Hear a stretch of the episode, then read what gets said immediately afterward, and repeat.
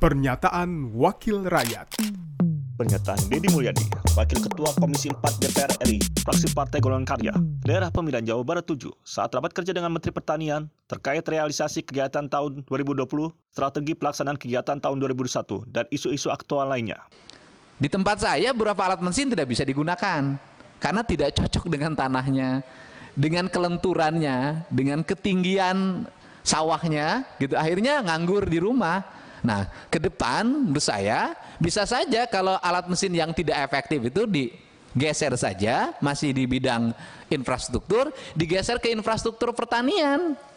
Ada irigasi yang harus segera dibenahi, ada jalan menuju areal harus dipenuhi, ada saung-saung atau saung-saung di sawah tempat pertemuan rakyat harus dipenuhi, ada leit-leit yang Pak Menteri selalu menyampaikan, tempat penyimpanan padi yang sekarang mulai langka di setiap desa tiap RW yang harus dibangun. Biarkan mereka secara otonom membangun sendiri.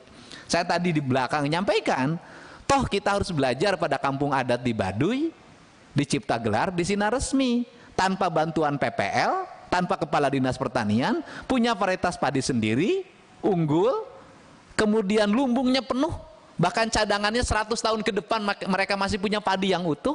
Dan yang paling menarik hari ini adalah di Baduy tidak ada kepala dinas kesehatan tapi tidak ada covid.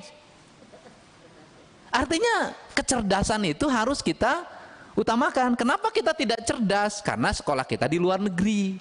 Sekolah di luar negeri kita harus mengikuti pikiran orang luar negeri. Orang luar negerinya jualan sama kita sehingga kita menjadi agen jualan barang mereka.